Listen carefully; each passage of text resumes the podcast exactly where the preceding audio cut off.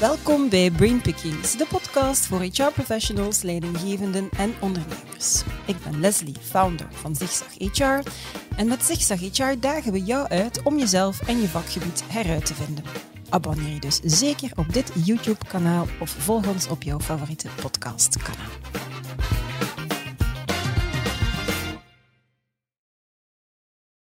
Leren. We doen het steeds meer digitaal en dat genereert heel veel data. Maar de meeste organisaties doen daardoor gaan ze eigenlijk vrij weinig mee. Nochtans kan je, als je die data goed gebruikt, je opleidingsaanbod optimaliseren, personaliseren en op die manier efficiënter, effectiever en ook relevanter maken voor je medewerkers.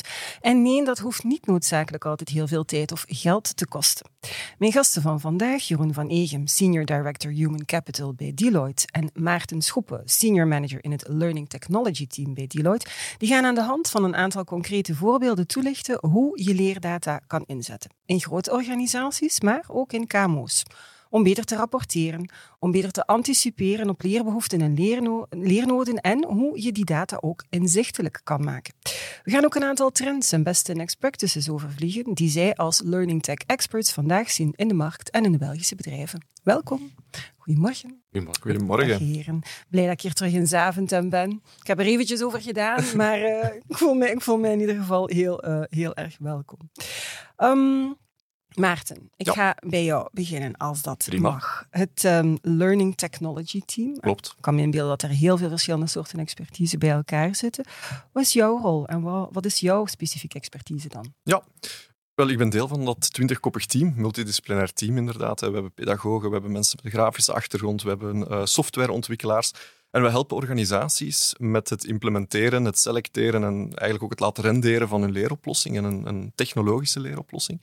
Ehm, mijn rol daarin is eigenlijk nu al twaalf jaar het, eh, het analyseren van de noden en zorgen dat het eh, allemaal vlot verloopt, projectmanagement op die projecten doen. Ehm, en mijn expertise binnen dat luikje zit vooral in de, in de data. Kijken naar de rapporten, naar dashboards. Eh, dat is mijn passie eigenlijk in, eh, in dat stukje. Jij zit daar veel meer in dan dat ik bijvoorbeeld zou zien, waarschijnlijk. Hoop ik. Ik probeer dat te doen, Ja, inderdaad, ja, voor onze klanten ook. eh. Om die, die zaken naar boven te halen waar ze niet meteen aan denken. En daar gaan we het straks ook over hebben. Hè. Oké, super. Nu, de podcast gaat over het inzetten van leerdata. Maar ja, leerdata, elk bedrijf heeft ongetwijfeld data. Maar wat verstaan we daar eigenlijk onder? Ehm, misschien moeten we even naar de metafoor van de auto. Eh, Ja. Als je met je auto eh, rijdt, dan eh, ga je data verzamelen over ehm, bijvoorbeeld in jouw onderhoudsboekje zal staan wanneer heb je onderhoud gehad, op hoeveel kilometer, wanneer was dat. Ehm, dat is data die achteruit kijkt. Hè. Je gaat informatie verzamelen over dingen die in het verleden liggen. En hetzelfde heb je met leerdata. Ehm, wie heeft wat wanneer gevolgd? Eh, data die gebruikt wordt voor sociale balans is terugkijkdata. Ja. Ehm, je kan ook, analogie met de auto, je hebt het dashboard. Data die je gebruikt op het moment dat je aan het rijden bent, data die je gebruikt terwijl dat je aan het leren of aan het opleiden bent. Mhm. Als cursist kan ik gaan zien van waar zit ik in mijn opleidingstraject? Welke scores heb ik behaald? Eh, en er kan ook een gids zijn om te zeggen van oké, dit is het volgende stukje dat voor jou dat we aanraden. Mhm.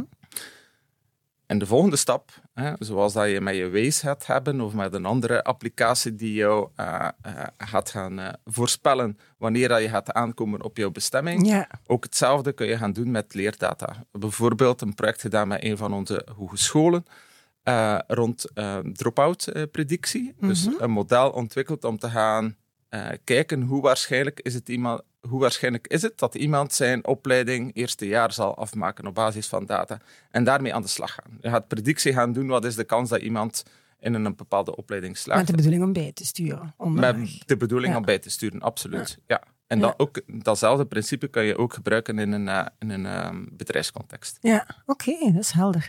Nu, ehm, die metafoor, ik denk dat de meeste mensen vatten hè, wat dat de boodschap is dat, dat, je, dat je wilt overbrengen. Eh, Maar als we dat nu wat concreter maken, hè, hoe worden die data dan zo tastbaar in een leerplatform? Misschien dat ik daarvoor weer naar u moet kijken. Hè, Maarten? Ja. Ja, ik, ik denk dat daar drie verschillende maturiteitsniveaus zijn. Mhm. Ehm, een eerste niveau is voor mij de rapportage. En dat is hetgeen wat de meeste mensen gaan kennen. De data wordt eigenlijk in een heel ruwe vorm weergegeven. Het zij op het scherm, eh, het zij in een Excel-export. Waar dat je per datapunt één lijn krijgt. Om dat Mhm. concreet te maken, je kan een klassikale opleiding hebben georganiseerd als organisatie en dan ga je kijken van wie had zich ingeschreven. Dan krijg je Leslie was er, Mhm. Maarten was er niet. Dat zijn drie lijnen. Jeroen was er wel. Mhm. En met die data kan je eigenlijk gaan spelen, eigen logica op toepassen, dingen gaan uittellen. Dat is ook wat de meeste bedrijven doen. Ja. Ze gaan dan van die Excels combineren en zo krijg je bijvoorbeeld een socia- sociale ja, balansrapportage. ja. Tweede niveau voor mij is dashboarding. En dat Mhm. is diezelfde data, maar eigenlijk het denkproces al toepassen op de data in het systeem zelf en die visueel ook gaan presenteren. Dus in hetzelfde voorbeeld van die klassikale opleiding zou je kunnen zeggen ik wil heel graag heel snel zien hoeveel mensen er aanwezig waren.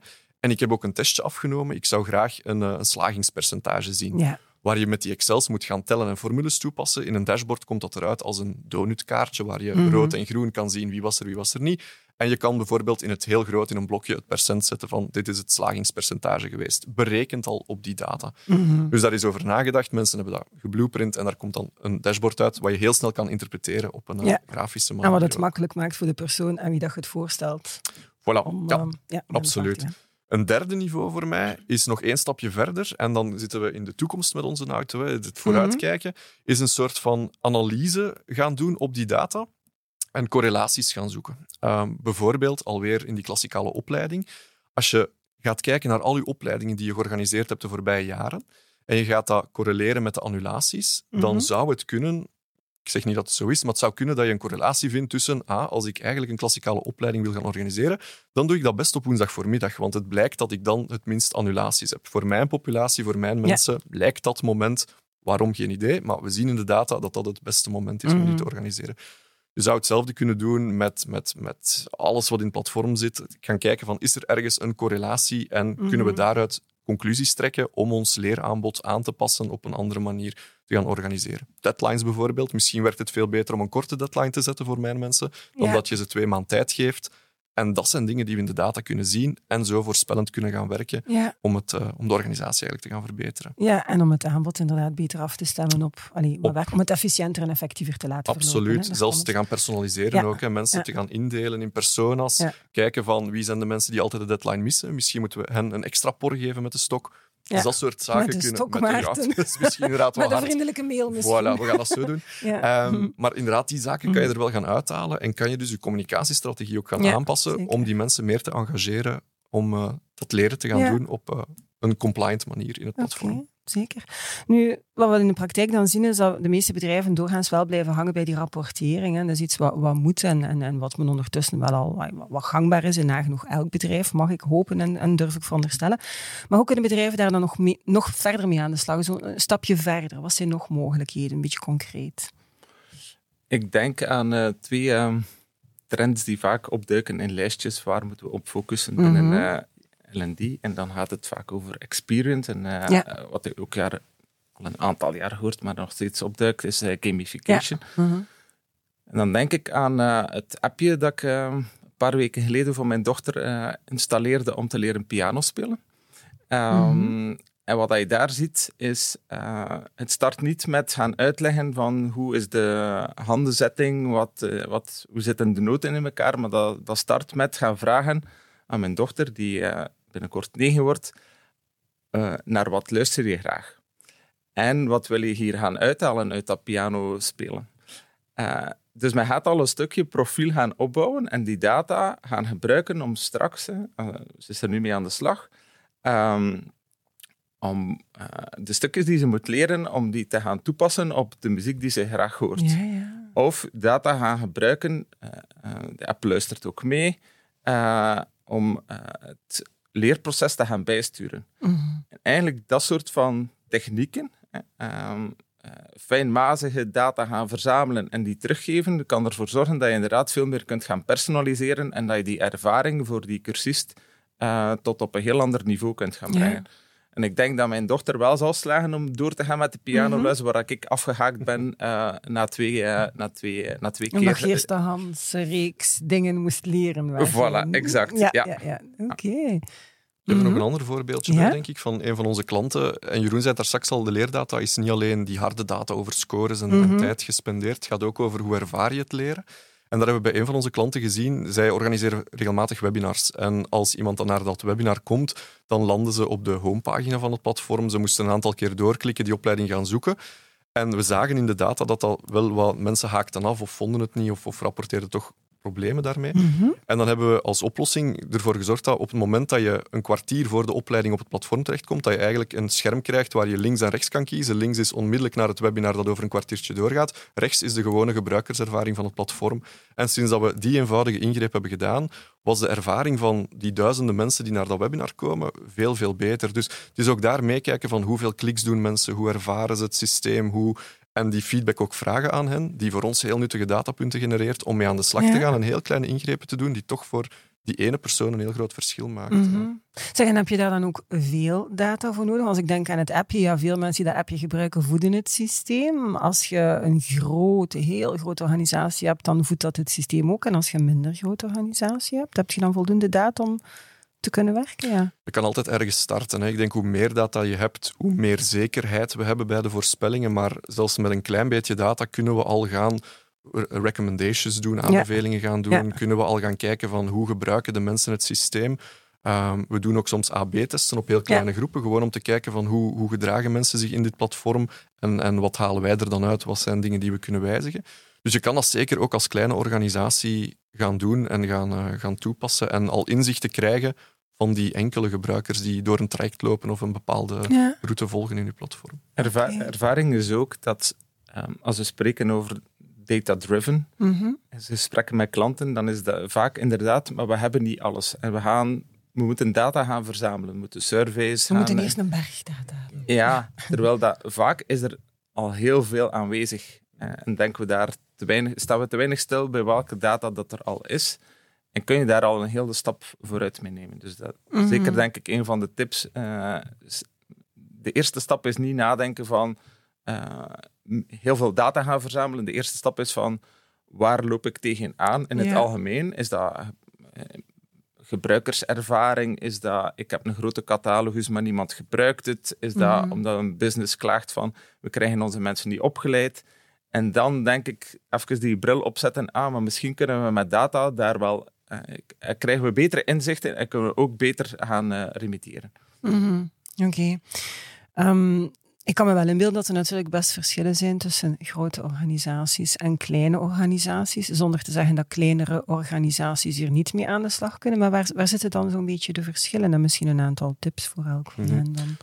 Ik denk dat ze niet echt te stereotyperen zijn, Mhm. maar als we dan toch ergens moeten gaan kijken, dan zit het verschil voor mij, zie ik vooral bij mijn klanten in, dat kleinere organisaties of een KMO vaak niet heel goed beseft hoeveel data ze hebben en wat ze Mhm. ermee kunnen doen. En daar gaan wij hen vaak helpen door al een, een voorgekoud dashboard. Of allee, we weten vanuit onze gesprekken met klanten Mhm. waar zijn mensen eigenlijk naar op zoek. Waar denken ze zelf niet aan van die inzichten kan ik uit data gaan halen. Die kunnen wij dan wel gaan presenteren al. Ehm, Mhm. Dus zij, zij zitten vaker vast op de rapporten, de Excelletjes, het zelf gaan combineren.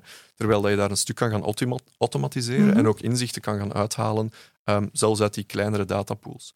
Bij de grote organisaties zien we dan vooral dat ze data gaan combineren. Ze gaan het LMS-data, LXP-data, leerplatformen, dat Ja. zijn de hippe Ja. afkortingen ervoor, Mhm. Ehm, die gaan ze gaan combineren met nog data van ergens anders. Misschien een marketingkanaal om te gaan kijken van hoe reageren mensen op een nieuwsbrief waar we naar leren hebben verwezen.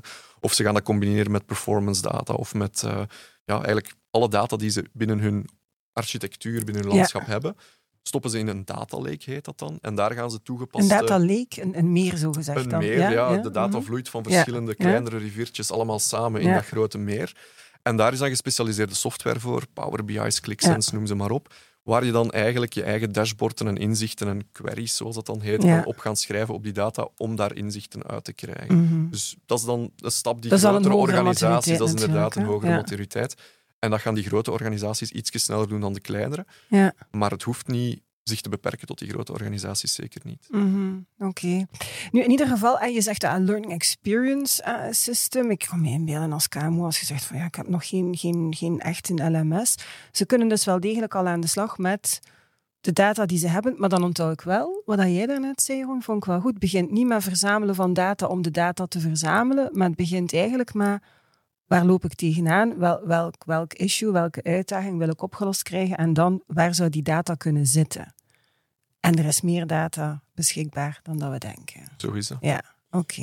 En wat daar ook aan vasthangt, is ehm, zijn vaak op zoek naar de heilige graal, namelijk ehm, gaan aantonen of proberen aan te tonen wat de impact is van een bepaalde opleiding, van Ja. een opleidingsinitiatief. En wat betekent dat nu voor de business? Ja. Die vraag ligt er natuurlijk altijd. ja, die ligt er altijd. En ik denk dat dat eh, zeer moeilijk is om die perfect te beantwoorden. Mhm. Wat ik zelf als aanbeveling geef, en ook resoneert ook wel bij onze klanten, is: het is niet omdat je dat niet perfect kunt gaan doen, dat je er niet mee aan de slag kunt. Ja, En starten met proberen inderdaad te zien van wat is de correlatie tussen opleidingsinitiatieven en eh, wat verandert er in mijn business, wat zijn mijn noden, eh, kan echt wel tot, tot zinvolle inzichten komen. Dus niet onmiddellijk perfectie willen nastreven, Mhm. maar kleine stapjes nemen. ja. mag geen excuus zijn om er eigenlijk niet aan te beginnen. Exact. Ja. Voilà. Ik heb hier al een aantal aanbevelingen en tips zo, zo horen passeren. Ik sluit er eigenlijk heel graag elke podcast mee af. Dus ook deze, een aantal gouden tips. Als het gaat over omgaan, efficiënt, effectief omgaan met leerdata. Wat geven jullie graag mee? Ik denk voor mij eentje is garbage in is garbage out, hè, zeggen we in het Engels. Ehm, en dat is zeker van toepassing op rapporten en dashboards. Als uw data zelf niet gedetailleerd genoeg is of vervuild is, ja, dan kan je Mhm. ook geen mooie rapporten krijgen op een eenvoudige manier. Dus dat, en mensen denken vaak dat dat een grote investering vraagt om de database proper te houden, maar soms is dat zelfs een vereenvoudiging. Ik ga er een voorbeeldje van geven. We hebben een klant waar we, of we hebben meerdere klanten waar we toepassen, en dat is een QR-code voor eh, het attendance tracking. Ik ben veel Engels aan het praten. Dat is een QR-code om te kijken van wie was er aanwezig op een Mhm. klassikale sessie. Waar vroeger een trainer een papier in zijn handen kreeg en dat moest gehandtekend worden door iedereen. En ja, soms was er eens iemand die het vergat en dan de trainer vergat soms ook zijn papier. En in het beste geval had hij het wel nog, moest hij s'avonds aanloggen op het systeem, manueel de, gaan overzetten wie er effectief Ja. in de sessie was en wie niet. Hier en daar wat typo's tussen. Voilà, dat doen we nu. Ja. Iedereen heeft een smartphone, dus wat dat we doen eigenlijk is in onze klassikale opleidingen gaan we een QR-code projecteren. Mensen kunnen die scannen met de smartphone. De smartphone laat je inloggen op het platform, dus het weet wie je bent. Je, wordt zelf, je zet eigenlijk jezelf op aanwezig, want jij hebt op dat moment die QR-code gezien. Die wordt ook na een kwartiertje afgesloten, dus je kan het niet doorsturen en zo. Dat is allemaal gecoverd. Ja, maar ja, we komen het tegen. Hè. Ja. Maar dus het idee is, je zet jezelf op aanwezig. En een bijkomend voordeel is dat we ook meteen de evaluatie, eh, het Ah, voilà, evaluatieformulier ja. op de gsm kunnen tonen. Dat is dan automatisch de volgende stap. Waardoor dat we veel betere data verzamelen met eigenlijk een vereenvoudiging. Dus Ja. zo van die scenario's zijn, zijn ook mogelijk en zijn zeker de moeite om, eh, om te bekijken, denk ik. Oké, dat was een eerste gouden tip. Ja. Zijn er nog? Ik heb nog een tweede. Mhm. Ehm, ik denk zo een oude Vlaamse wijsheid, hè, bezint eer je begint. We hebben het er net al een klein beetje over gehad. Ehm, inderdaad, denk goed na over wat wil ik straks uit mijn leerplatform of uit mijn leertechnologie gaan halen van data. Omdat Mhm. dat vaak ook in de, in de architectuurplannen moet voorzien worden. Ehm, als, je, als je een huis bouwt en je wil op het einde nog een zwembad in je kelder, dat gaat veel moeilijker zijn dan dat je in het begin Ja. dat hebt uitgedacht. Dus dat is ook zo met data. Denk Mhm. al goed na, ik moet straks een sociale balans maken. Ah, dan ga ik bij mijn gebruikersprofielen moeten zorgen dat ik geslacht, leeftijd en dergelijke ook meeneem in de, in de data en in het, eh, in het verhaal. Ja. Dus hetzelfde met wat wil ik straks allemaal leren?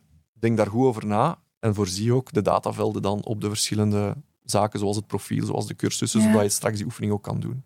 En wat als de noden of de context dermate verandert dat je huis dat je gebouwd hebt niet meer volstaat, ja, dan moet je wel. Absoluut. En dat is ook altijd in beweging, Ja. die platformen. Die we, Ja. Het is zelden dat we ergens een platform neerzetten en er niet meer naar kijken. Dat, Mhm. Het evolueert allemaal en de platformen zijn daar voor een stuk ook wel op voorzien. Maar in sommige gevallen is het wat moeilijker of moet een integratie bijgewerkt worden om dan één dataveldje dat we vergeten Mhm. waren er toch nog in te Ja. krijgen. Dus wij spenderen graag ook in het begin voldoende tijd Aan aan, de oefening van wat moet er straks ook uitkomen. Ja. Ja, ja, Wat willen we straks ook gaan, gaan zien uit, Ja. uit de data? Oké, heel helder. Dat was gouden tip 2. Zit er nog een derde? Dan kijk ik naar u, Jeroen. Ehm, ik ga de link leggen met iets wat zeer hot is, eh, waar we denk ik nog niet over gesproken hebben, is AI. Ehm, Mhm, ja. En ook ehm, ehm, voor AI is er data nodig. En mijn gouden tip is daar, ehm, het is een veld wat zeer snel verandert, ehm, maar waar heel boeiende dingen gebeuren, ook voor kleine organisaties. En mijn tip is daar, eh, ga daar ook mee aan de slag. Mhm. Ehm, eh, omdat daar, eh, ik denk dat dat een van de goede use cases is om, om waarom dat die data zo belangrijk is, is om te gaan kijken wat kan ik doen met AI. Ook voor kleine organisaties, ook binnen leren. misschien Maarten, we zijn zelf met iets, eh, met een klein experimentje bezig, Mhm. eh, waar we op drie, vier dagen tijd iets gebouwd hebben, waar je denk ik vroeger eh, misschien wel een jaar mee bezig was, hebben we nu op een aantal dagen kunnen realiseren.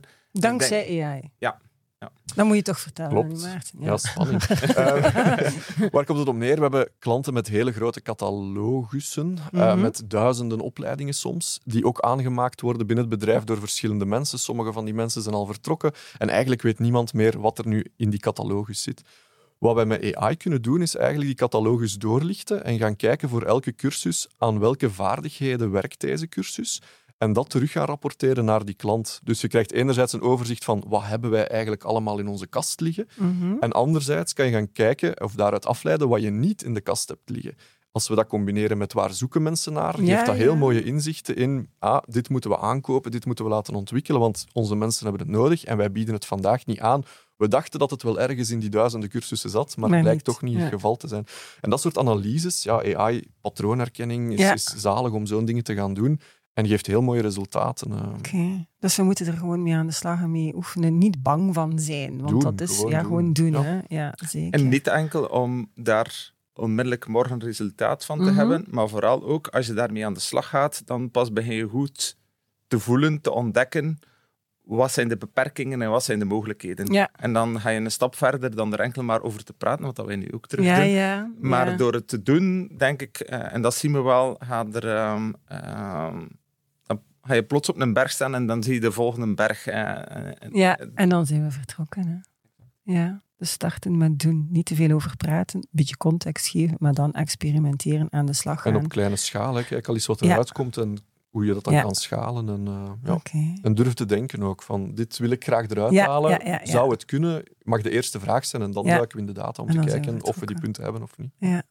Mooi. Zijn er nog tips of mogen we het hierbij afronden? Drie. Drie is altijd goed. Is Alle goede dingen komen in drie. Heel fijne podcast. Heel interessant. Ik wil je daar dan ook heel erg hartelijk voor bedanken. Dankjewel. Dankjewel om ons te hebben. Merci ook eh, aan jullie om te kijken of om te luisteren. Vond je deze podcast interessant? Vertel dat dan natuurlijk aan zoveel mogelijk mensen verder. Heb je honger naar meer? Weet dan dat er nog heel veel afleveringen te bekijken of te beluisteren zijn op ons YouTube-kanaal of via jouw favoriete podcast-app. En het allerbelangrijkste, it's a great time to be in HR. Tot de volgende.